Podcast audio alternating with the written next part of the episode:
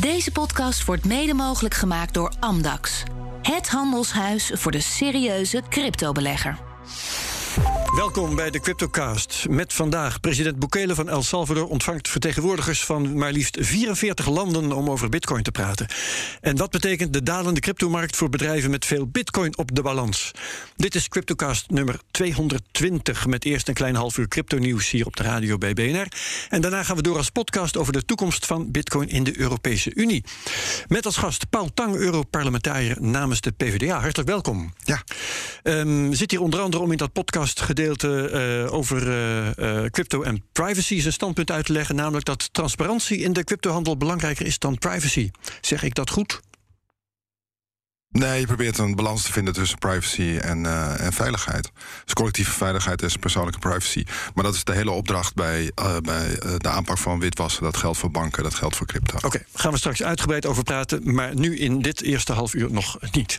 Um, we gaan ook praten met Bert Slachter, mijn co-host vandaag, analist bij de digitale nieuwsbrief Bitcoin Alpha. Welkom. Dank je. En wij geven geen beleggingsadvies. Vorm je eigen mening, maak je eigen keuzes en geef ons niet de schuld, want crypto kan lucratief zijn, maar is ook riskant. Goed. Um, El Salvador, uh, Bert, uh, president Bukele heeft uh, gisteren al de vertegenwoordigers van 44 landen ontvangen om te praten over financiële inclusie en de rol van Bitcoin. En zoals wel vaker is de berichtgeving uit El Salvador vrij schaars. Het gaat via tweets van de president. Verder heb ik de grootste moeite om daar informatie over te vinden. Maar het is een lijst van 44 voornamelijk namelijk arme landen. Zeker, ja, dat klopt. Ja, het is. Um, het, het, is inderdaad, de, de, de, president die twittert daar dan over. En die, die, die presenteert het op een bepaalde manier zoals hij dat doet. Hè. Mm -hmm. Heel onpresidentwaardig. Maar goed, zijn we inmiddels van hem gewend. Ja. Ja, maar dit is eigenlijk een bijeenkomst van de Alliance for Financial Inclusion. Dat is een, uh, een organisatie met, ik geloof, uh, 86 landen. Ik kan het er even bijpakken. Uh, 89 landen zijn daarbij aangesloten. En dat zijn inderdaad de armere landen in ja. de wereld. Hè. De Nederlandse zit daar bijvoorbeeld niet bij. Afrikaanse, Latijns-Amerikaanse. Ja, en ze hadden eigenlijk was ze roleren de plek waar dan die bijeenkomsten zijn. En, de, en El Salvador was aan de beurt eigenlijk al twee jaar geleden. Alleen vanwege corona alles uitgesteld. En nu is die dan toch. En dat was dus gewoon daardoor toevallig in El Salvador. En daar kwamen van 44 landen inderdaad um, ministers van Financiën en centrale bankdirecteuren langs. Ja, en er zitten landen bij uit de regio daar: Paraguay, Hon Honduras, uh, Costa Rica. Um, maar ook Um, heel veel Afrika, Afrikaanse landen. Ja. Echt een stuk of 25 of zo. Jordanië, Egypte, Marokko. Dat is iets dichter bij Europa natuurlijk. Um, wat ook in, in, in Azië, Nepal, uh, Pakistan, Armenië. Dat ligt dan weer redelijk tegen Europa aan. Hè?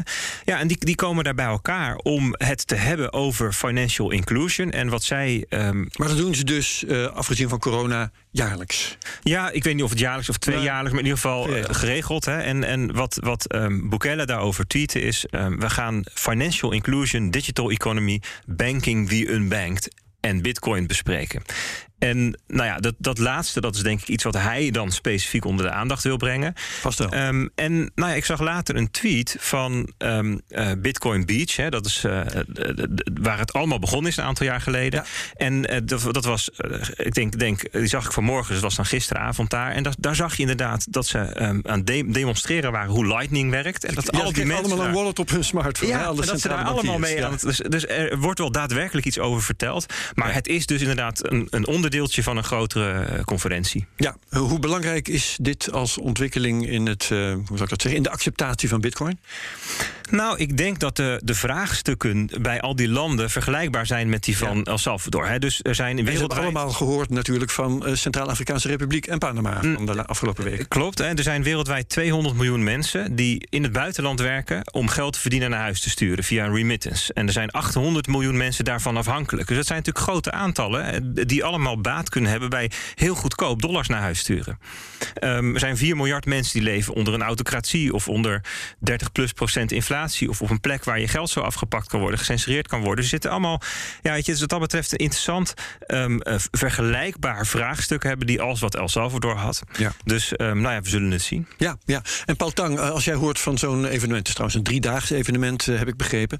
Um, hoe plaats jij dat in uh, internationaal economisch perspectief? Nou ja, net zoals Bert zegt, de remittances, dus de, het geld dat overgemaakt wordt door familieleden vanuit Europa en Amerika naar die landen, is, is buitengewoon belangrijk voor de ontwikkeling van die landen. En het is hetzelfde argument waarmee Libra werd geïntroduceerd.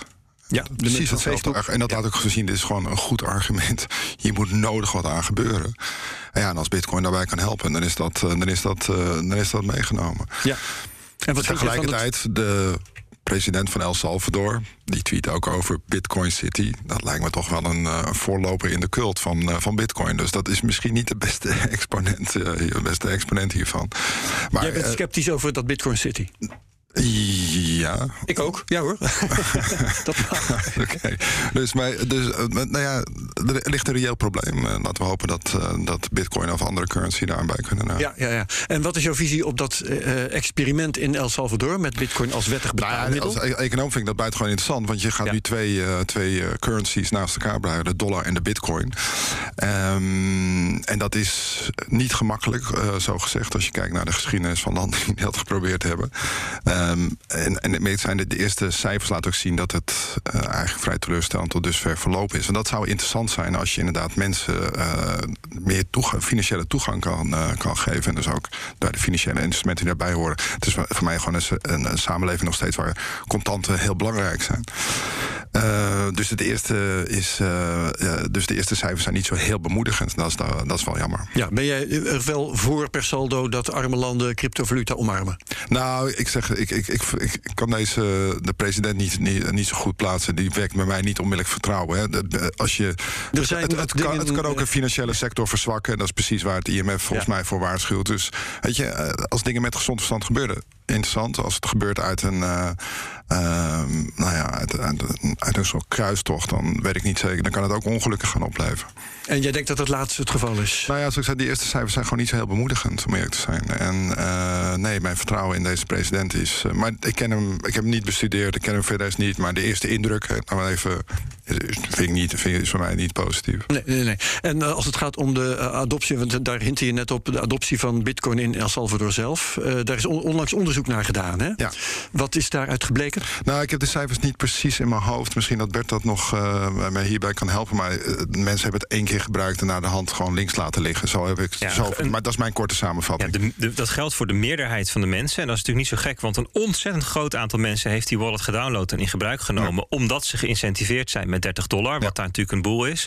En dat daarvan dus ook een, de meerderheid uiteindelijk maar één keer gebruik van maakt, is niet zo gek. Maar wat wel interessant is, is dat er dus ook een minderheid is um, die het daadwerkelijk is gaan gebruiken. En ook, uh, zeg maar wekelijks gebruikt om geld uit het buitenland te ontvangen. Het zou ook best dus, gek zijn dus, als... Ja, sorry. Dus het, dus het is weliswaar een minderheid, maar je kan... Maar de vraag is of dat nou net de minderheid is die al uh, financieel uh, uh, alfabeet is. Hè? Dus ja. 80% van de bevolking is financieel alfabeet, geldt trouwens ook voor Nederland. het zijn wel mensen dus die dus, daadwerkelijk geld uit het buitenland ontvangen. Ja, dat stond ook in het rapport. Ja. Maar ik, ik, ik denk, ja, het is een glas half vol, half leeg verhaal. Daar ben ik helemaal met je eens. En hetzelfde geldt voor die president. En we gaan wat dat betreft, wordt het volgend jaar spannend. Hè? Want begin volgend jaar moet El Salvador een grote lening, ik geloof 800 miljoen, aflossen.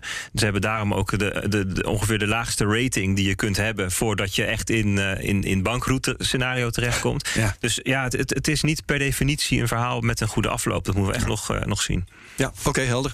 Um, Bert, uh, normaal ben je aan een lijn om over je prijsanalyse te praten. Nu kun je dat fijn hier doen. We gaan dus daartoe over nu. Um, afgelopen donderdag ging het opeens heel hard naar beneden. Tot onder de, met de bitcoinprijs bedoel ik natuurlijk, tot onder de 27.000 dollar. Wat was daar precies aan de hand? Ja, wat was daar aan de hand? Volgens mij weet je heel goed wat er aan de hand was. Ja, natuurlijk. maar we gaan het even maar, rec maar, recapituleren. Ja, laten we dat even doen. Kijk, sinds het begin van dit jaar um, hebben we al een vrij sterke correlatie eigenlijk tussen alle financiële markten. Dus alle aandelenmarkten, de, ook de obligatiemarkt. Dat is overigens een van de hele bijzondere zaken in deze periode dat zowel de aandelen als de obligaties minder waard worden. Dat gebeurt niet vaak in de geschiedenis. De euro, en, de euro en de yen en de frank worden minder waard ten opzichte van de dollar. En, en de crypto assets ook allemaal tegelijk. En je kunt als je ze op elkaar legt, kun je ze ook tegelijk zien bewegen. En sinds, sinds eind april, sinds 20 april, deed Bitcoin het beter dan de Nasdaq. En die vergelijken we vaak. En dat zeiden we ook tegen elkaar. Het is opvallend hoe sterk Bitcoin zich houdt relatief. Ja. ja dat verschil dat zijn we kwijt. En dat is eigenlijk wat we afgelopen week hebben zien gebeuren. De, de aandelenmarkten zijn heel snel gedaald de afgelopen week. 10, 15 procent. Um, Bitcoin liep het gat dicht. Daalde verder mee met de aandelenmarkten. En toen kregen we natuurlijk ook nog de Luna crash te verwerken. Debakel, ja. Debakel, ja. Die, die, die Ponzi-scheme die zich eigenlijk uh, ontrafelde. Uh, 80.000 bitcoin is er verkocht in 48 uur tijd. Ja, ongekend. En, en als je dat op een rijtje zet... Hè, van die correlatie met die aandelenmarkten die al aan het dalen waren... de euro die sterker wordt... Um, en dan ook nog de, zeg maar de, de, de onrust rondom het uh, ineenstorten van, van, van, van Terra, het UST-ecosysteem. En de 80.000 bitcoin op de markt. En dat we dan nu toch weer rond die 30.000 dollar staan. Dat is zeg maar qua marktanalyse eigenlijk helemaal nog, nog zo, zo kwaad niet, zou je kunnen zeggen. Als je Bitcoin dan vergelijkt hè, vanaf 1 eh, januari 2022, hè, wat, wat is de prestatie nou dit jaar? Dan zie je dat de Nasdaq 30% gedaald is, Bitcoin 38%, 40% zou ik maar zeggen, Facebook ook 40%, Tesla ook 40%, Amazon 36%. Dus ja, Bitcoin bevindt zich een beetje in die tech-stok uh, regio qua prestaties nu. Ja, ja, ja. ja, het verschil is alleen dat we dat, hè, dat um, uh, dat, dat als het dan over Bitcoin gaat, dan heet het een crash. En als het dan over Facebook gaat, heet het een daling. Dat is de enige uh, in de verslaggeving. En um, als je dan kijkt naar de waardering van Bitcoin op basis van de adoptie, hè, dat is vaak hoe het gewaardeerd wordt door uh, analisten via het netwerkeffect, dan zie je nu eigenlijk vergelijkbare waarden met maart 2020, hè, de coronacrash, en um, voorjaar 2019. Het was het diepste punt van de vorige bearmarkt. Maar dit zijn wel heel andere tijden. Mm -hmm. Want we zitten nog eigenlijk helemaal aan het begin ook van, van het verkrappen van het monetair beleid door Biden. Die inflatie die heel hoog is, dat is ja. Eh, eh, Biden heeft, of tenminste eh, de Fed, die doet natuurlijk het verhogen. Maar de Biden, die nog verder omhoog gaat. Ja, Biden heeft vorige week nog een keer expliciet gezegd... inflatie bestrijden is voor mij het allerbelangrijkste. Ja, en ook, en dat hebben de Fed-commissaris al wel gezegd... ook als dat ten koste gaat van de rijkdom van mensen... huizen, aandelen en pensioenen. En daar zitten we middenin. Dus ik moet eerlijk zeggen, ik verwacht eigenlijk... voor financiële markten in het algemeen... dus ook voor bitcoin best nog wel wat tegenwind en zwakte. Dus de vraag, is de bottom in? Dat moeten we nog meemaken. Ja. Um, maar ja, goed. Kijk, ja, dan gaan er dus allemaal dingen mis. Hè. Terra, uh, Luna. Um, ik moet eerlijk zeggen, ik vind dat eigenlijk wel fijn. Dat moet namelijk af en toe gebeuren dat er een bosbrand is en dat al het slechte hout weggaat. Want er zit gewoon zoveel slechte projecten van variërend van gewoon um, fout. Het klopt niet, zeg maar incorrect. Dus technisch klopt het niet. Tot helemaal aan de andere kant uh, gewoon oplichting. En dat moet er gewoon uit, moet uit die markt. En dit helpt daarbij. Dit maakt toch maar weer even duidelijk dat er verschil is. Dus uh, wat dat betreft. Uh, en als je dan even afstapt van de, van de waan van de dag, dan, uh, dan valt me op dat er mensen zijn die praten over de realized price. Um, dat mag jij zo uitleggen, maar in ieder geval, dat is een, een, een waarde die vaak wordt bereikt op de bodem van de markt. En daar zitten we nu heel dichtbij. Klopt. De realized price, dat is um, de gemiddelde koers waarvoor alle bitcoin die nu in omloop is, gekocht is. En dat is natuurlijk het aardige van um, Bitcoin: dat je een blockchain hebt waar je alles op kunt zien, alle individuele transacties. Anders dan met aandelenmarkten. Daar moet je het doen met um, prijs- en volumedata. Dat is eigenlijk alle data die je hebt. Wij kunnen ook de, de, chain zelf analyseren. Dus we kunnen zien wat voor soort mensen kopen en verkopen. Wie, wie, he, de mensen die nu aan het verkopen zijn, voor wat voor soort prijs hebben die dan aangekocht? Welke cohort is dat? Zijn het grote of kleine holders? Kun je allemaal zien. Wat voor gedrag hebben ze vertoond? En um, de realized price is dus het punt dat men gemiddeld kiet staat. En dat blijkt, um, dat is dus een heuristiek, dat is geen wet, maar dat blijkt vaak grofweg uh, punten zijn waarop de ja. markt uitboden. Schiet er ook wel eens doorheen trouwens. En, het, en het is, de ja. waarde is op dit moment 24.000 dollar of daarom Klopt, hè? klopt. Ja. ja. Um, maar ook dat uh, is dus niet een, uh, een waarneming waardoor je kunt zeggen: die bodem is er. Of is er misschien juist nog niet? Dat hangt helemaal af van toevallige factoren die dan eh, in de markt kunnen optreden. Nee, want wat het eigenlijk. Wat, er, zit, er zit natuurlijk iets onder. Hè. Waarom, is dat, waarom vindt zich daar een bodem? Omdat uh, het gedrag van handelaren, van marktparticipanten, heeft te maken met hoe, um, hoe, hoe ziet mijn positie eruit en wat voor soort regels heb ik rondom het, het beheer van die positie. Wanneer heb ik besloten om te verkopen? Zeker als je professionelere handelaars krijgt, die hebben daar gewoon een plan bij. En, um, en, en, dan is het wel logisch dat dat rond zo'n op, op zo'n soort punt gemiddeld zou kunnen uitkomen. Maar ja. stel dat de marktcondities nu anders zijn dan iets wat we ooit hebben gezien, dan zou het ook kunnen dat het daar wel ver onder komt. Ja. Of juist helemaal niet. En dat is historisch ook wel gebeurd. Dus, dus we hebben gewoon ja. te weinig data eigenlijk ja. om daar echt een wet van te maken. Ja. Oké, okay. nou goed. Um, Meer details hierover, ik zeg het maar even alsof ik de lijnverbinding met je ga verbreken. Vind je in de wekelijkse nieuwsbrief op bitcoinalpha.nl. En dan uh, gaan we weer verder over uh, nieuws praten. Uh, want die daling van de bitcoinprijs heeft gevolgen voor allerlei bedrijven die vet bitcoin op de balans hebben neergezet. Dus hoe gaat dat nu met ondernemingen als MicroStrategy, Coinbase, Block, Tesla? Um, uh, Bert, moeten uh, die bedrijven zich zorgen maken? Moeten wij ons zorgen maken over die bedrijven?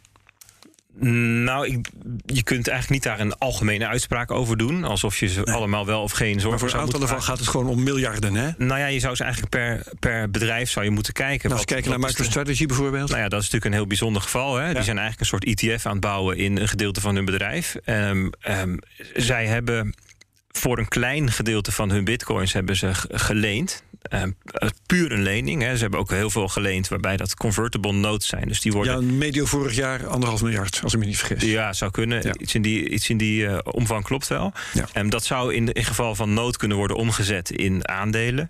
Ze hebben voor eigenlijk al hun um, uh, leningen een periode van vijf jaar gekozen. Hè. Dus er is niet tussentijds een mark-to-market... waarin um, dat een probleem zou kunnen worden. Behalve die ene laatste laatste um, dat laatste stuk van geloof 205 miljoen, waar jij het over hebt, ja. waar het ja. ook in de media en op, op, Twitter over ging.